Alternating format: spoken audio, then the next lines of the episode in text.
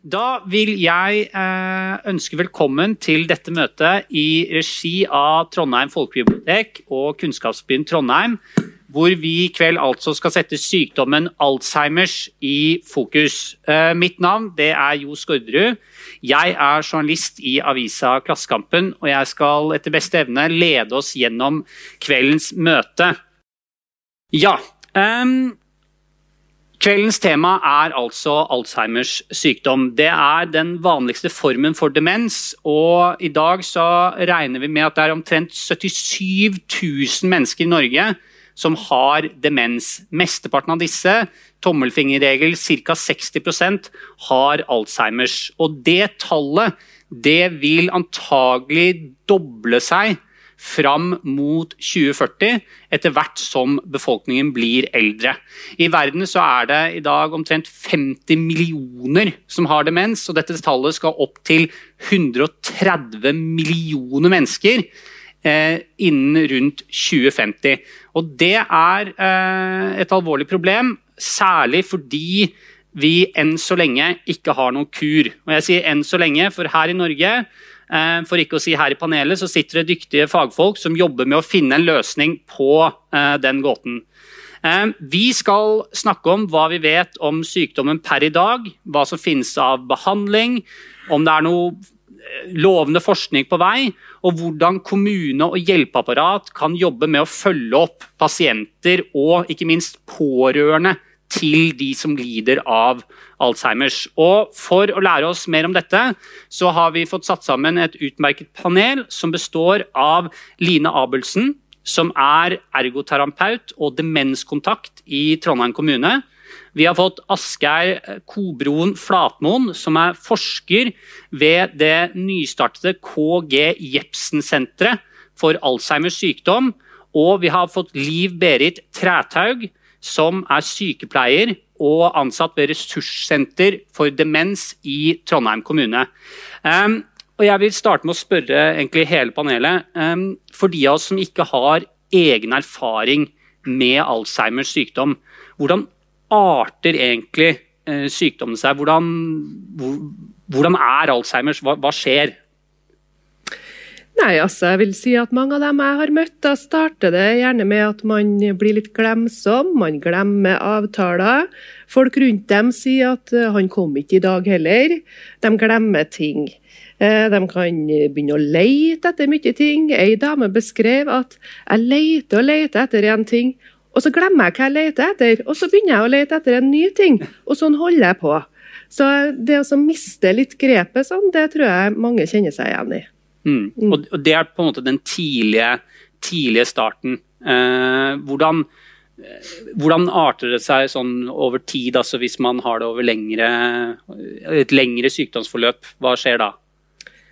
Nei, Det blir jo mer og mer sammensatt etter hvert. da, og man, eh, jeg vil si at De ofte har sin fysiske funksjon, motorikken. Den sitter jo i eh, godt veldig lenge. Det er jo gjerne vandrere, folk som går og går og går, masse. Fysisk aktiv. Men det henger liksom ikke med det kognitive alltid, da.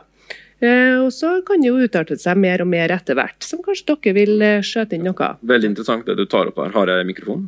Ja. ja. Veldig interessant uh, det du tar opp der. for Jeg kan jo egentlig gripe fatt i det. Du, du nevner det med at motorikken henger igjen, sier du. Ja. Det er veldig interessant, for det er det vi ser i hjernen nå. Hvis vi ser i hjernen til mennesker etter de har hatt alzheimer veldig veldig lenge, det området som fremdeles ser relativt friskt ut, det er den området i hjernen som styrer motorikken. Så det reflekteres da, for å starte i den enden. Men, men, la oss snakke litt om dette her med, med hjernen. at uh, Jeg skal innrømme at jeg er ikke doktor, uh, så jeg, jeg uh, vet ikke så mye om det. Men Alzheimer er altså en Det er cellene i hjernen som, som ryker.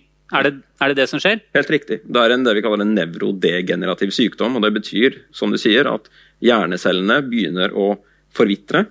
De blir svakere, de blir mindre, og så dør de. Ja. Det som er spesielt med Alzheimers sykdom, er, og det kanskje vi kommer litt mer tilbake til, det er at vi begynner i økende grad å innse at sykdommen begynner i et relativt lite sted i det vi mistenker er en spesifikk gruppe celler i hjernen. Sykdommen begynner der, og så ser det ut som at den sprer seg gradvis utover i løpet av år. Mm. Um, Og så For å trekke en tråd tilbake til det du sa, og det er helt riktig det du sier med de her tidlige symptomene. Det som er for meg både spennende og veldig skremmende, det er at hvis man gjør veldig konkrete tester, så kan man se uh, mentale avvik tidligere enn noen andre vil se det. Altså Man kan se at man begynner å svikte kognitivt allerede før noen andre i pårørende vil oppdage noen ting. Så en av de aller aller tidligste tingene som skjer, er um, det enkelte typer læring man blir dårligere på. Og en veldig typisk uh, ting kan, som brukes uh, i forskningsøyemed, det har ikke kommet helt inn i diagnostikken ennå, det er at hvis man f.eks. Uh, blir vist et objekt, mm.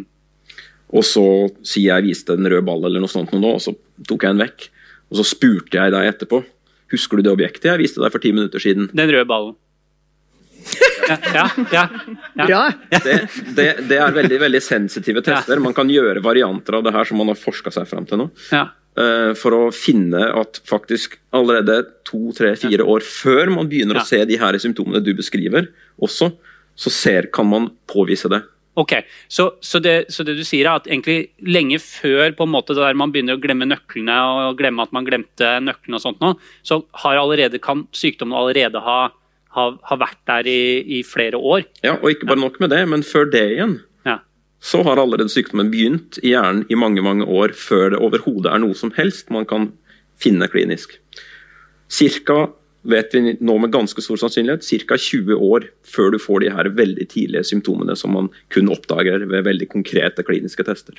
Og, og når er det sånn det vanligste altså jeg, jeg, skjønner at det her på en måte kan man ikke si ett tall, men sånn, når, er det, når er det vanligst at folk eh, at symptomene bryter ut hos folk sånn aldersgruppemessig? Så Vanskelig å si, tenker jeg. Men, sånn, du, det gir kanskje ikke helt mening å snakke om et gjennomsnitt, siden Nei. det er en aldersrelatert sykdom, men ja. hvis, du, hvis, du, allikevel gjør det, da, så er gjennomsnittet mm. for når en person på verdensbasis blir diagnostisert med Alzheimer, det er 80 år. Gjennomsnittet er 80 år. Gjennomsnittet, men det sier jo ikke så mye. Nei. Mm. Jeg bare tenker Kanskje ja. man skal si det òg, for vi møter jo masse pårørende og ja. personer med demens eh, som er i ulike faser og kjenner ja. til dette her. Eh, noen kjenner godt til det, og noen kjenner mindre godt til det. Og Da er det jo noen som kan spørre hva er forskjellen på demens og Alzheimer, f.eks. Ja. Um, og det er jo litt greit å si at demens er en paraply. Ikke sant? Du beskrev jo det i stad. Ja, ja, vi kan jo ta den, uh, det demens og Alzheimer og, og begreper. Altså Demens eh, beskriver bare en tilstand der du ikke greier å ta vare på deg selv. egentlig. Du er ikke orientert for tid og sted, og du greier ikke å utføre dine daglige gjøremål. Mm. Det, det, er det som demens beskriver. Mm. Det kan ha mange ulike årsaker. En av årsakene til at du kan utvikle demens, er Alzheimers sykdom. Mm. Det finnes mange andre. Mm.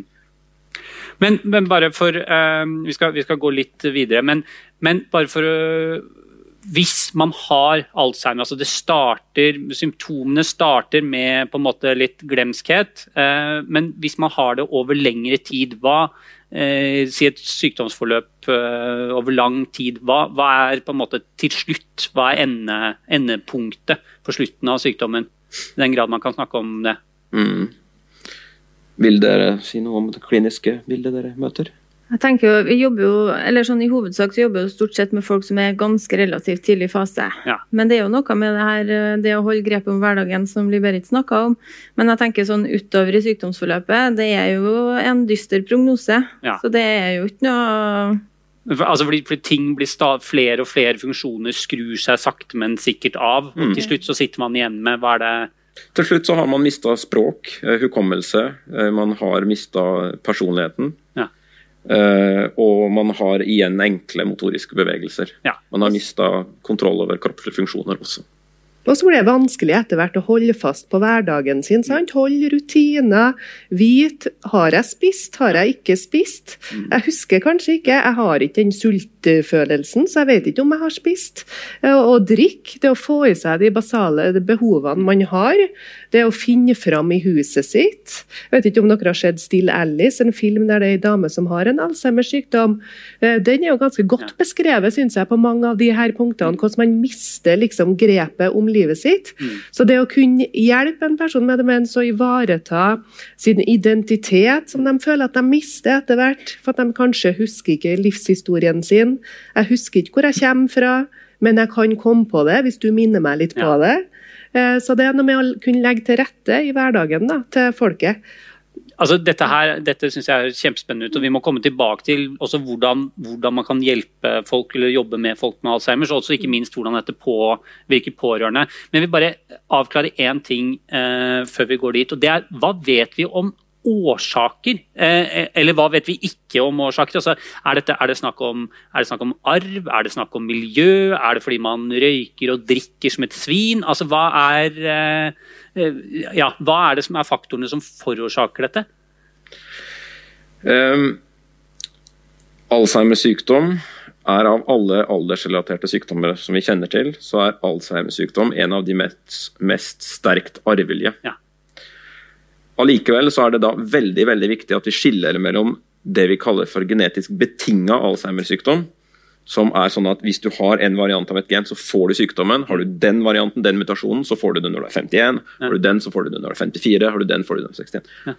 Den genetiske betinga mm. Alzheimer-sykdommen, den er ekstremt sjelden. Mm. Mindre enn 1% av alle tilfeller. Bare genetisk betinga, det betyr da får du det, liksom? Har du denne, betinga, da får det vil det si, har du den mutasjonen ja. der, så får du det. Og ikke nok med det, men du vil få det innenfor, noen, ja, innenfor ja. det året. Men det er ekstremt sjelden? Det er ekstremt sjelden med genetisk betinga varianter. Ekstremt. Mindre enn 1% av alle tilfeller av Alzheimers sykdom er genetisk betinga. Ja. Så kan du da gjerne spørre men hvorfor sier du da at det er en av de mest sterkt arvelige sykdommene. Jo, det er fordi at av alle de andre, som er det vi jeg tenker er mest relevant å snakke om nå, mm. vi snakker om Alzheimer, de refererer vi typisk i forskning mm. uh, som sporadiske tilfeller av Alzheimer, som egentlig bare betyr at vi vet ikke hva som mm. forårsaker det. Uh, men det vi vet, er at uh, det, er et, det, er flere gener, genvarianter, varianter av gener, som er sterkt assosiert med risikoen. Et av de genene er så sterkt assosiert at har du en spesifikk variant, så vil du ved alder 85, hvis du mm. blir så gammel, ha om lag 50% sannsynlighet for å ha fått Alzheimer. Og da må jeg skynde meg også, Det betyr jo også at selv med den veldig sterkt arvelige varianten, så har du fremdeles 50% sannsynlighet for å ikke ha fått det selv når du har blitt 85 år. Ja. ja. Da er du ganske gammel. Og da, da, er du ganske gammel, det, ja, ikke sant? men nå, jeg går til det liksom ekstreme for å beskrive det. Og så bare for å uh, ta det også, det, Nå vet vi om 23 ytterligere 23 gener, i tillegg til dette veldig risikoassosierte genet. Så er det 23 ytterligere gener der hvis du har, hvis du har den, la oss kalle det det verste tilfellet, da, den verste genprofilen du kan ha. Mm. Ok, men så den korte, oppsummeringen er, korte oppsummeringen er at arv er den viktigste faktoren. Så den der fredagspilsen, den er ikke så Eh, utløsende, antagelig? Uh, nei, det er ikke, uh, fredagspilsen er ikke utløsende. Nei. Men jeg vil allikevel fullføre resonnementet mitt med at har du den verste genetiske mm. varianten, kan du si, så øker det her ytterligere. Men det er fremdeles sånn at du da selv da, ved 85 år, bare når om lag 60-65 sannsynlighet. Hvilket betyr at selv om du har det verste genetiske utgangspunktet du kan ha, så er det altså da 35% som ikke får det, selv når det er 85 år. Mm. Og Det er veldig viktig å få fram, fordi at der da er det jo med andre ord veldig mye som er opp til livsstil her. Mm.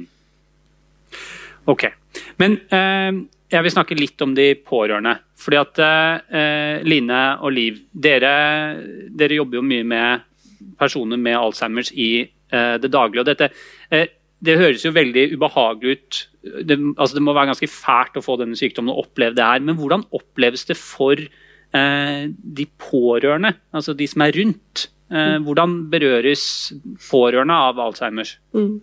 Det kan vi jo si da, at Veldig mange personer med demens har det ganske godt sjøl. Mm. Hvis de ikke går og kjenner på dette her sjøl, at de kanskje ikke merker så godt, men pårørende merker det godt. Ja. Og så har du ektefeller som bor sammen med sin person med demens. som kan, altså Har man vært gift i 1000 år, som jeg pleier å si, men 50 mm. år, da, så er man ofte sånn at man tar over litt sånn for hverandre. Mm. Så hvis jeg snakker litt tregt og litt sånn, så tar du bare over. Og så er, gjør man ikke det med vilje, men at man er bare litt sånn eh, skrudd sammen. Og så sier ungene, de som er voksne barn av personer med demens, som ikke bor sammen med sin hele tida, de sier at vet du, jeg ante ikke at pappa var så dårlig. Mm. Jeg merka ikke det før jeg for alene med han, mm. når mamma ikke var med. For hun dekket over så galt, og hun mener ikke noe vondt med meg, men det er det som skjer. Så jeg tror at mange pårørende får en slags trøst i at person med demens ikke alltid trenger å merke det så godt sjøl. Men det er ikke alltid, altså. Ja. Men noen gang. Mm. Men eh, Line, hvordan, uh, når dere møter pårørende, hva Ofte så har jo de kommet litt lenger ut i sykdomsforløpet enn kanskje når Liberit møter dem, som er et lavterskeltilbud. Ja. Eh, men jeg husker jo veldig godt altså noen som sa til meg det at man føler at man mister sin kjære flere ganger. Og det tenker jeg beskriver sykdommen ganske kraftig. Eh, og det er jo noe med det her, sånn som du snakka om arv og sånne ting, og det har jeg jo inntrykk av at det er mange som er veldig bekymra for. At eh, vil det her ramme meg også? Eh, men eh, det er jo noe med det. Og jeg tenker i forhold til det, det er jo stort sett den som bor sammen med, skulle til å si hovedsak vi møter. og Vi er jo ofte på hjemmebesøk og, og den biten. Og det er jo det her med å miste den samtalepartneren sin som kanskje er veldig sånn fremtredende, da. Hmm. Hvilket tilbud eh, hvis, hvis, man eh, har en far eller mor eller en, en partner som får eh, Alzheimers. Hvilket tilbud er det kommunen har til pasienten og, og familien, de, altså de berørte rundt i dag? Vi er jo et lavterskeltilbud, som du sa. Dvs. Si at man kan ta direkte kontakt med Ressurssenter for demens uten å gå igjennom noe helse- velferdskontor. Altså, I Trondheim så har vi eh, man eh, fatter tjenester. Man får hjelp til ting gjennom å ta kontakt med et helse- og velferdskontor. og Så deler de ut alle tjenestene. Men når vi er et lavterskeltilbud, så kan, de, eh, kan dere ta direkte kontakt med oss, ringe oss og gjøre en avtale. Og Da er det ofte en eh, samtale vi starter med, og vi kan fungere som en los i systemet. Altså, Vi vet jo litt om tilbudene som finnes, vi vet absolutt ikke alt, for det er mange hemmelige tjenester. Men vi vet en god del, da, sånn at vi kan hjelpe hverandre og finne ut hva som kan være lurt. For det er jo eh, ulike behov. Mm. Og Er man en pårørende som nettopp har vært med å få en Alzheimer-diagnose, så er det ikke sikkert at pårørende har funnet sin rolle som pårørende engang. Og da er det ikke noe vits å selge inn masse tjenester hvis man ikke har funnet rollen sin i det hele tatt. Da må vi heller snakke om det, da. Hvordan er det å være en pårørende nå?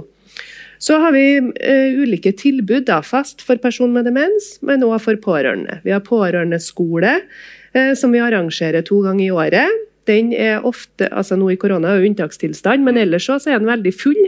Og Det blir de fleste pårørende overraska over. Når de kommer inn i lokalet og det sitter 60-70 stykker der, så blir man sånn Wow, mm. jeg trodde jeg var alene om dette. Det er jo masse pårørende. Og så blir det veldig sånn overveldende. Mm. Så det er helt tyst, og så blir det mer og mer liv etter hvert som vi møtes flere ganger. Så har vi ulike samtalegrupper, og det er jo um, Vi har òg grupper for unge pårørende, for ungdommer, og fra 18 til 30. Vi har for familier. Vi har for ektefeller, for voksne barn. Mm. Det er jo hele spekteret. Mm. Men vi snakket litt på, på bakrommet i stad, så nevnte jeg husker ikke helt hvem det var som nevnte men at, det, at, det, at man, finner, altså man har sånn støttesamtaler for pårørende, men også at man på en eller annen måte kan hjelpe personer med demens og ikke miste den eh, de var, eller i hvert fall at eh, ikke miste dem så, så fort. Er det, altså, er det en greie? Altså at man kan hjelpe dem? Ja, det er en greie. Absolutt. Og jeg tenker jo pårørende er jo ressursen. Kjemperessurs. Eh, så de med demens som har pårørende nært seg, de er heldige. Mm. Eh, men det er ikke alle som har det. Og jeg tenker at eh, vi, altså Det er jo pårørende som er ekspertene. Vi prøver jo å late som vi er det, men vi kan få masse tips fra pårørende. Mm. Og det å skrive en livshistorie tidlig for person med demens og pårørende, skrive en sammen gjerne, om hva som er viktig, hva som ikke er viktig, eh, hva man vil, hva man ikke vil. Eh, og det, hvordan er man når man er lei seg? Ønsker jeg da å bli tatt på, trøsta? Ønsker jeg å være i fred? Eh, å vite alle sånne småting, da tror jeg vi lettest eh, Eller da er lettest å hjelpe folk, da, mm. hvis vi vet litt sånn. Men det må være utrolig frustrerende altså, å, å, være en person som opplever at dette altså, Eller er det, eller du sier kanskje at det ikke er det? Altså at man glemmer, man glemmer at man har glemt, på en måte? Ja, det gjør jo noen, men noen altså, kan jo sitte og kjenne på det, ja. og det går rundt i hodet mitt. Ja. Eh, det, jeg føler jeg blir gal. Ja. Er det bare jeg som har det sånn? Og da kan man møte andre i samme situasjon da, og dele erfaringer. Jeg tenker at Det er viktig å si da, at Mange får jo diagnose veldig tidlig også, og bevarer jo massevis av funksjoner veldig lenge mm. ute i sykdomsforløpet. Også. Og Det er jo kanskje det vi i kommunehelsetjenesten nå er veldig opptatt av å ivareta det som hva er viktig for den enkelte, og ja. spille på ressursene og altså, la dem mestre. For det er jo mm. det vi alle vil, skulle si, det å få opprettholde og utføre de aktivitetene som betyr noe for oss. Så så det er, jo, det er jo et langt lerret, tenker jeg. Det tar jo mange år kan gjøre før du kommer såpass langt ut i forløpet at du kanskje ikke greier å gjøre rede for deg sjøl lenger. Og jeg tenker at alle de årene før her, det er så utrolig viktig å legge til rette for at uh, det er gode år både for den som er syk, men ikke minst for dem som er rundt òg. Mm. Det kan, ja. kan henge meg på det Absolutt, begge to nå med, ja. fra hjernen sitt eh, synspunkt òg. Uh, eh, hvor ekstremt viktig det er det her med å vite hva personen likte. Mm. For en av de tingene vi nå vet mer om, det er det med hvor stimulerende, hvor positivt det er for en person med Alzheimer, selv om det er langt kommet, mm. å bli utsatt for noe som var, og fremdeles er, ja. assosiert med positive følelser. Ja. Det er veldig typisk slående, nesten, nesten mirakuløst, i mangel på et bedre ord, er folk som har vært veldig glad i musikk, f.eks., og kan være tilsynelatende mm ja, helt ute av stand til å gjøre eller snakke gjøre noen ting, snakke noen ting. Hvis de får høre på musikk de var glad i, så kan du, faktisk, så kan du virkelig se en ganske formidabel forandring i den personens evne mm. til å bevege seg, til å kanskje begynne å komme med ord og uttrykk og, og snakke med deg igjen. Det trenger ikke være musikk, det kan være hva som helst, men poenget er at eh, noe personen hadde forbundet med veldig åpenbare positive følelser, gode følelser, Eh, og Det gir mening også fra hjernens perspektiv, for de dypere strukturene som er involvert i å man skal lagre de følelsene, da, de bevares intakte mye lengre mm. enn de her ytre delen av hjernen. som Du, du skrur på knapper på en måte inni du, du kickstarter det, eh. du kan tenke på det sånn, ja. ja. Sånn at det er veldig veldig viktig det du sier der, og det du poengterer der med Skriv ned hva var personen glad i. Mm. Like viktig som hva liker ikke personen. Liksom. Mm. Ja, for du må ha hva du ikke liker. Ja. ja. Det, ikke sant? Ja. Men jeg skal bare si at jeg var i Hospitalskirka og feira den internasjonale Alzheimer-dagen her på mandag, ja. 21. Og da var det ei dame som sang Nå får jo ikke jeg til å gjenfortelle så bra, da, vet du, men denne Ildsvikøra-sangen som er veldig kjent her i Trondheim. Og så Hun skulle synge den, og så sa hun til han som skulle hjelpe henne å synge, så sa hun jeg kommer ikke til å huske på dette. Og sa han jo da, vi begynner nå, sa han. Og så begynte han, og sa første frase på Ildsvikøra. Og hun sang i vei. Og du, det er jo sånn imellom. Og så minte han på neste vers, og hun sang hele sangen. Ja. Det er helt fantastisk. Mm.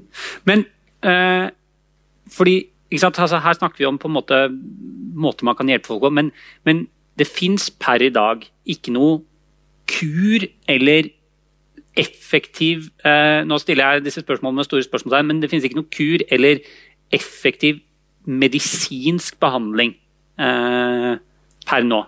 Nei, det er dessverre riktig. Ja. Men ikke noe, ikke noe noen medisiner som funker på noen som helst måte? Eller? Det, det er to typer medisiner som eh, kan gis i dag, som kan ha en midlertidig eh, effekt på, en, på noen mm. av pasientene. Eh, vi kan eventuelt ta det hvis det er konkrete spørsmål rundt hva de heter og hva de gjør etterpå. Uh, men ingen av de stopper eller bremser sykdommen. Men for noen uh, med Alzheimer så opplever man en midlertidig ikke bedring, men at det ser ut som det bremser framgangen mm. midlertidig. Mm. Men da snakker vi som regel om måneder. Mm. Så det korte svaret er at det finnes ingen medisinsk behandling per i dag. Vi skal komme litt tilbake til det etterpå, men, uh, men eh, bare spørre kommunen og oppfølgingstilbudet først. for det, eh, det gjøres jo ofte veldig mye min erfaring at det ofte gjøres veldig mye bra ting, veldig mye flotte ting på, på kommunalt nivå, men så er det også ofte en erfaring at det er ting man, man kunne gjort bedre, eller ting man savner. Så dere som uh, fagpersoner, og at jeg vet, jeg vet at du Asgeir også har jobba som pleieassistent for Alzheimers pasienter tidligere. Så som fagpersoner, hva, er det noe dere savner i oppfølginga? Altså hvis vi ikke skal tenke altfor mye på budsjetter og sånt, hvis dere på en måte kunne bestemme litt sjøl, mm. hva hadde dere hatt, skulle ønsket dere mer av i tilbudet? Altså, man kan jo alltid si folk, da. det er jo det man alltid sier, men det er jo det mm, kjedelige, for det vet jo alle. Men, altså flere, flere folk? Flere folk flere, ja. Mer oppfølging, ja. ja. Men eh, det med sømløse tilbud, da, det å få til sømløse overganger fra at man er, eh, får et eh, tilbud til at man går over til et annet et. Mm. At man kanskje er med å følge i den prosessen, sant? personen som kjenner en. Mm. Også at vi kan få til litt sånn sømløst, det kan vi bli bedre på. Og så er det òg i kommunen så er masse ulike tilbud, og så er mange ulike tuer. Og så kanskje vi ikke snakker godt nok sammen. Eh, hadde vi snakka enda bedre sammen, så kunne vi fått det til enda mer sømløst der òg. Mm. Så det savner man jo. Mm. Men det er jo noe å jobbe etter. Mm. Jeg tenker jeg er enig i det Liberit sier. Og så har jeg lyst til å si det at så, altså Når man får en demensdiagnose eller en Alzheimers sykdom, så er det noen rettigheter òg i forhold til det her med koordinator og litt sånne ting òg. Og det at den koordinatoren har jo et overordna ansvar skulle du si, for å følge litt, men det er jo på et eller annet tidspunkt så kan det jo komme noe skjær i sjøen der òg. Så det er jo kanskje et av de her forbedringspunktene, tenker jeg.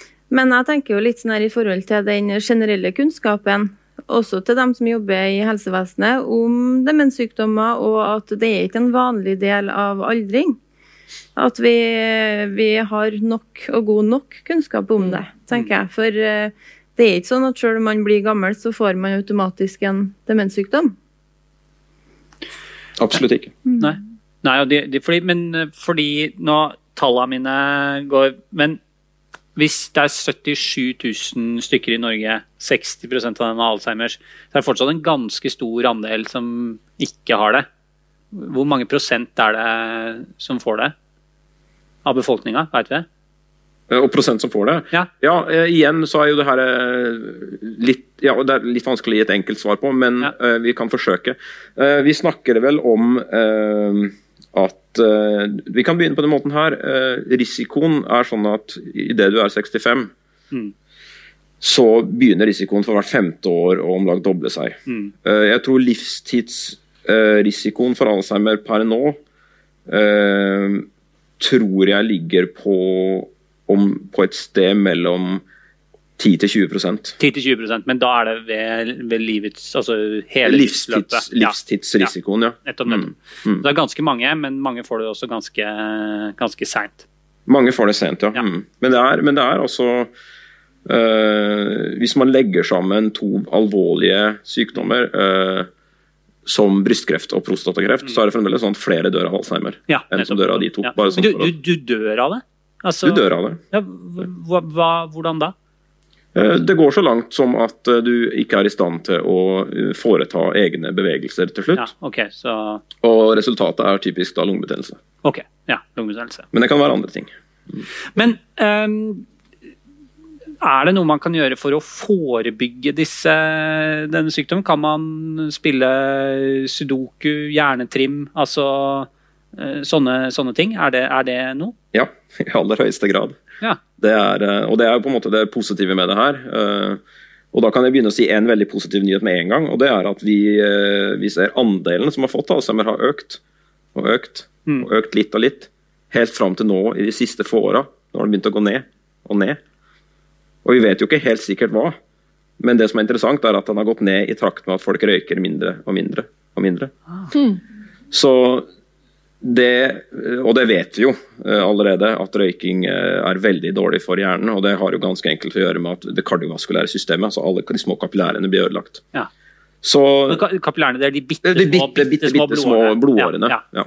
Så eh, Det enkleste grepet du kan gjøre, det er å redusere antallet sigaretter du røyker. Uh, og greier du å slutte helt, hvis du røyker. Da, da er Allerede da så er en god del gjort. Ja. Unngå høyt alkoholkonsum. Hold deg til ingenting eller lavt. Det, har, det, vet vi nå at virker inn ganske, ganske mye. Men ta, vær mentalt aktiv. Spiller ingen rolle hva det er, bare du er aktiv. Om du liker å følge med på fotballtabellene, eller om du liker det sudoku eller kryssord. Spiller ingen rolle, bare du. Og selvfølgelig prøv å holde deg relativt fysisk aktiv. Trenger ikke jogge hver eneste dag. Finn deg noe du liker å gjøre. Man trenger ikke vente til man blir 65 heller. Man kan siden uh... Kan jo bevege seg før det. ja. det, det, er aldri, det, er aldri, for seint, og det, har, ja. det virker uh, absolutt om du begynner når du er 60 eller 65 eller ja. 70. Den største effekten av alt det her ser man hvis folk begynner med det når de er middelaldrende. Ja, nettopp. Et eller annet sted mellom 40 og 60. Mm. Hvis du ikke har gjort det før, da. Ja. Altså, hvis du ikke har vært en av de som har vært relativt flink hele livet, sånn som du sikkert har, ja. så, så, er det, så, er det så er det sånn, ja. Mm. Men, uh, men uh, Ok, dette er jo godt, uh, dette er jo godt nytt, da.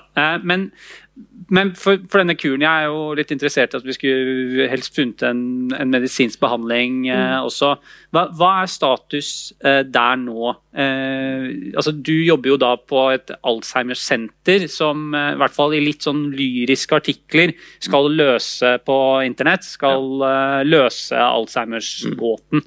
Hva, hva, er det dere, deres bidrag er? I korte trekk så mener vi at uh, noe av problemet er at vi vet ikke nok om sykdommen til å kunne prøve ut noen medisiner. Altså Man kan prøve ut, og det har det blitt vært gjort i, nå, i snart 30 år. Men det er, det er, på en måte i stor grad skudd i blinde. Da. At man kan prøve den man kan prøve den. Mm. Ingenting skjer. Vi vet ikke nok om sykdommen til at det gir noe mening å bare prøve tilfeldige medisiner. Så det vi må gjøre, er å gå litt tilbake til tegnebrettet og finne ut ok, kan vi finne ut nøyaktig, nøyaktig hvor sykdommen starter. Hvis vi mm. kan finne ut nøyaktig hvor sykdommen starter, hvilke områder i hjernen, da kan vi se på hvilke celler finnes det der. Kan vi finne ut nøyaktig hvilke celler som blir syke først? Da begynner vi å ha en sjanse til å se ok, de cellene blir syke først. Da kan vi begynne å se på hva er det som gjør de cellene sårbare. Mm. Er det noe spesielt med de? Har de mer av et eller annet type stoff og mindre av et annet type stoff? Mm. Da begynner vi å være på et sted når vi har funnet svar på det, at vi kan begynne å si ok, Mm. Så vi kan dra en enkel parallell til det her med hjertelidelser, som mange som har vært gjort så mye med i dag. Med at For en god del år tilbake så visste man jo ikke mm. helt hvorfor noen fikk hjertelidelse og fikk hjerteinfarkt. Så begynte man å oppdage det her stoffet som heter kolesterol. Mm. Begynte å finne ut at ah, kanskje hvis vi mm. ikke sant, begynner å senke kolesterolnivåene hos de som er veldig høye, så har det en effekt. Og så oppdaga man at, at, det har vært en revolusjon i hjertehelsemedisin i, i de siste 50 åra. Litt det samme, da, tenker, kan du si det veldig forenkla. Mm. Uh, er det på en måte vi uh, ser i forhold, tror og mener i forhold til Alzheimers sykdom. Men, men, hvor er dere på nivå i denne forskninga her nå? Altså, du, nevnte, du, nevnte, til meg i stad at dere i liten grad f.eks. jobber på mennesker, altså menneskelige prøvekaniner, holdt jeg på å kalle dem. Det er det jo ikke, men altså. Ja, altså Inntil nå, og med det nye senteret, nå så får vi ressurser og mennesker, altså personell, kvalifisert personell til å faktisk eh, begynne også å jobbe med mennesker. Men det sier seg jo sjøl at vi kan ikke gjøre Det er ikke alle ting vi kan gjøre med mennesker, heldigvis. Mm. Sånn at du kan si Det vi kan prøve å begynne å gjøre med mennesker nå, det handler mer om å bruke ekstremt kraftige, ekstremt dyre instrumenter til å se inn i hjernen mm. til mennesker mens de lever, og se hva skjer, hva foregår. Og så, men det er begrensninger til hvor mye vi kan se da. ikke sant? Det er, det er ikke alt man kan se på den måten. Så svaret da er at ok, da må vi ta, bruke andre metoder mm. uh, ved siden av, parallelt med, mm. og prøve å se hva foregår f.eks. For uh, i denne kulturen med celler jeg har, eller i hodet på den rotta her. Mm. Uh, hvis jeg gjør sånn, hva skjer da? Hvis jeg gjør slik, hva skjer da? Og så prøve å relatere det tilbake til det vi ser i, hos mennesker. Mm. Uh, som vi nå kan begynne å se inn i hodene til, rett og slett. Men det høres jo ut som det er et stykke fra disse maskinene og det arbeidet dere gjør nå, til man har en ferdig, ferdig behandling. Altså opererer dere med noen tidsperspektiv på når dere håper å eh, begynne på en måte å utvikle medisiner? Altså, eller er det liksom så fjernt inn i framtiden? Utfordringen, og det ligger jo i forskningens natur, at ja. sånne spørsmål kan man ikke svare på. Det er utrolig frustrerende. Mm. Det skjønner jeg godt. Eh, men så ligger det i forskningens natur at vi står på kanten av kjent kunnskap. så Det er akkurat som en pionær i et, i et nytt land for 500 eh, år siden som har gått så langt, og så skal bli spurt ok, hva ligger bortenfor horisonten. Mm. Jeg vet ikke. Og Sånn er det med forskning òg. Det er ofte sånn at forskning går liksom i store sprang. Man mm. jobber og jobber og jobber, finner ikke svar, prøver på nytt. Og Det gjør vi jo hele tida. Lange dager, jobber, jobber. Og så har man kanskje holdt på i ti år, og så mm. plutselig så får man et resultat som virkelig bare åpner opp og gjør et, som man gjør et skikkelig kvantesprang. Men når, når, det kommer, sant? om det skjer om fem år, eller ti år, eller 15 år eller 20 år, det er helt umulig å svare på. Men det vi vet, er at det, historisk så kan vi si tilnærmet sikkert det kommer. Mm. Og, det kommer. og, jo mer ressurser vi putter inn, jo mer folk vi får inn og forskere på det, her, jo fortere kommer det svaret. Men vi kan ikke si når. Men, men, Det der er jo kjempespennende, men har man nå for eksempel, har man nå teknologi eh, som hjelper, som gjør at vi på en måte får til ting vi ikke fikk til for eh, Eller noen viktige ting da, som vi ikke fikk til for ti år siden f.eks. Som gjør at dere er nærme, altså, at dere kan gjøre ting dere ikke kunne gjøre før? Eh, ja, det har vi i aller høyeste grad.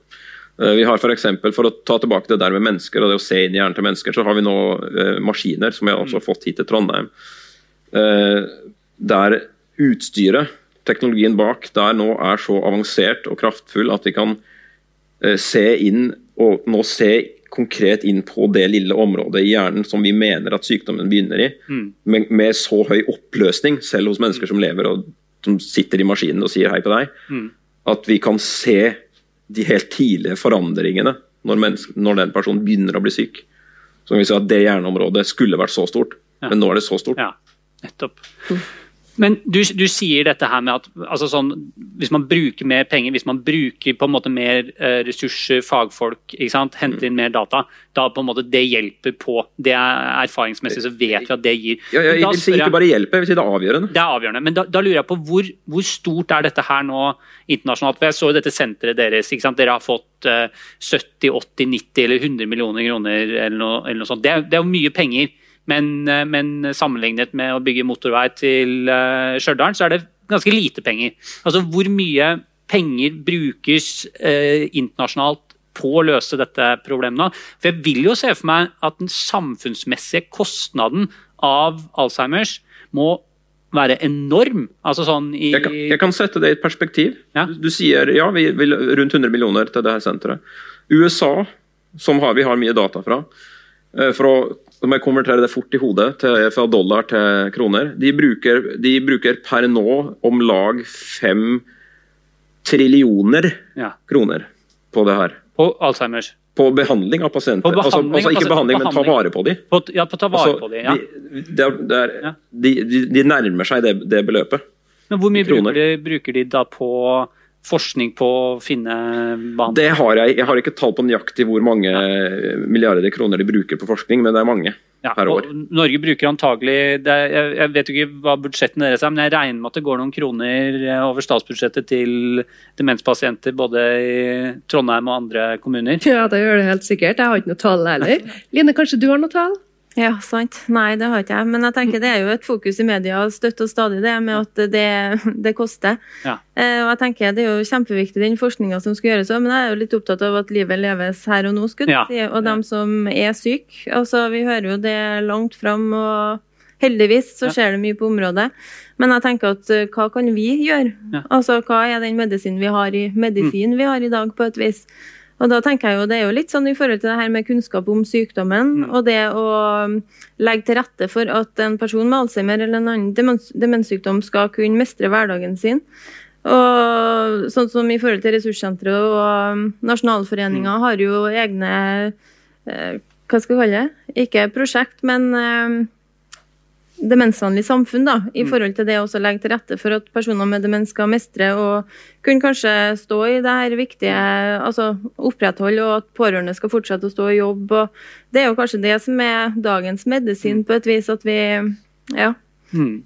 Vi, må, vi, må, ha fokuset der òg, mm. mens det forskes. Mm. Så får de jobbe med sitt, og så må vi på en måte prøve å legge til rette for at hjulene ruller likevel. Mm. Ja.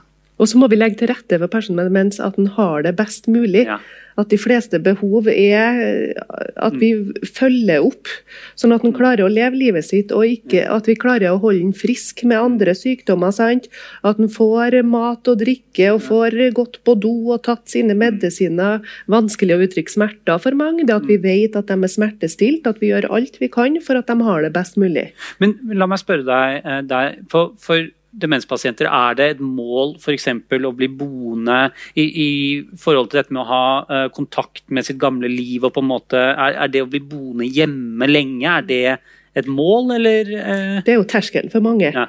at når det kommer inn noen fra Trondheim kommune, ja. så vil de ha meg på sykehjem. Ja. Og det er jo ikke det vi ønsker. Eh, vi ønsker jo at folk skal kunne bo hjemme. Eh, så lenge som man kan, egentlig, mm. men ikke for enhver pris. Nei. For noen kan jo få det bedre hvis de kommer på en institusjon og blir fulgt opp godt hele døgnet. Noen har jo behov for det. Men jeg tror at det er vanskelig, mange pårørende sier det, at det er vanskelig. Hvem er jeg som skal hive ut mannen min mm. og si at han skal på et aktivitetstilbud hver dag? Hvorfor skal ikke han få være hjemme og slappe av?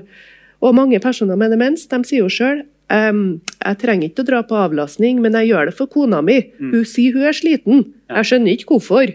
Eh, sånn at det er litt sånn uh, Hvordan kan vi få det til å um, fungere best mulig? Og hvis man får inn hjelp mm. tidlig, så tidlig som mulig, så kan man bo hjem lenge. Mm. Men ikke for enhver pris, syns jeg. Mm. Tusen takk til dere som har delt av kunnskapen deres her i dag. Jeg tror vi alle sammen har blitt uh, både ett og to og flere hakk uh, smartere. Så en uh, applaus til dere.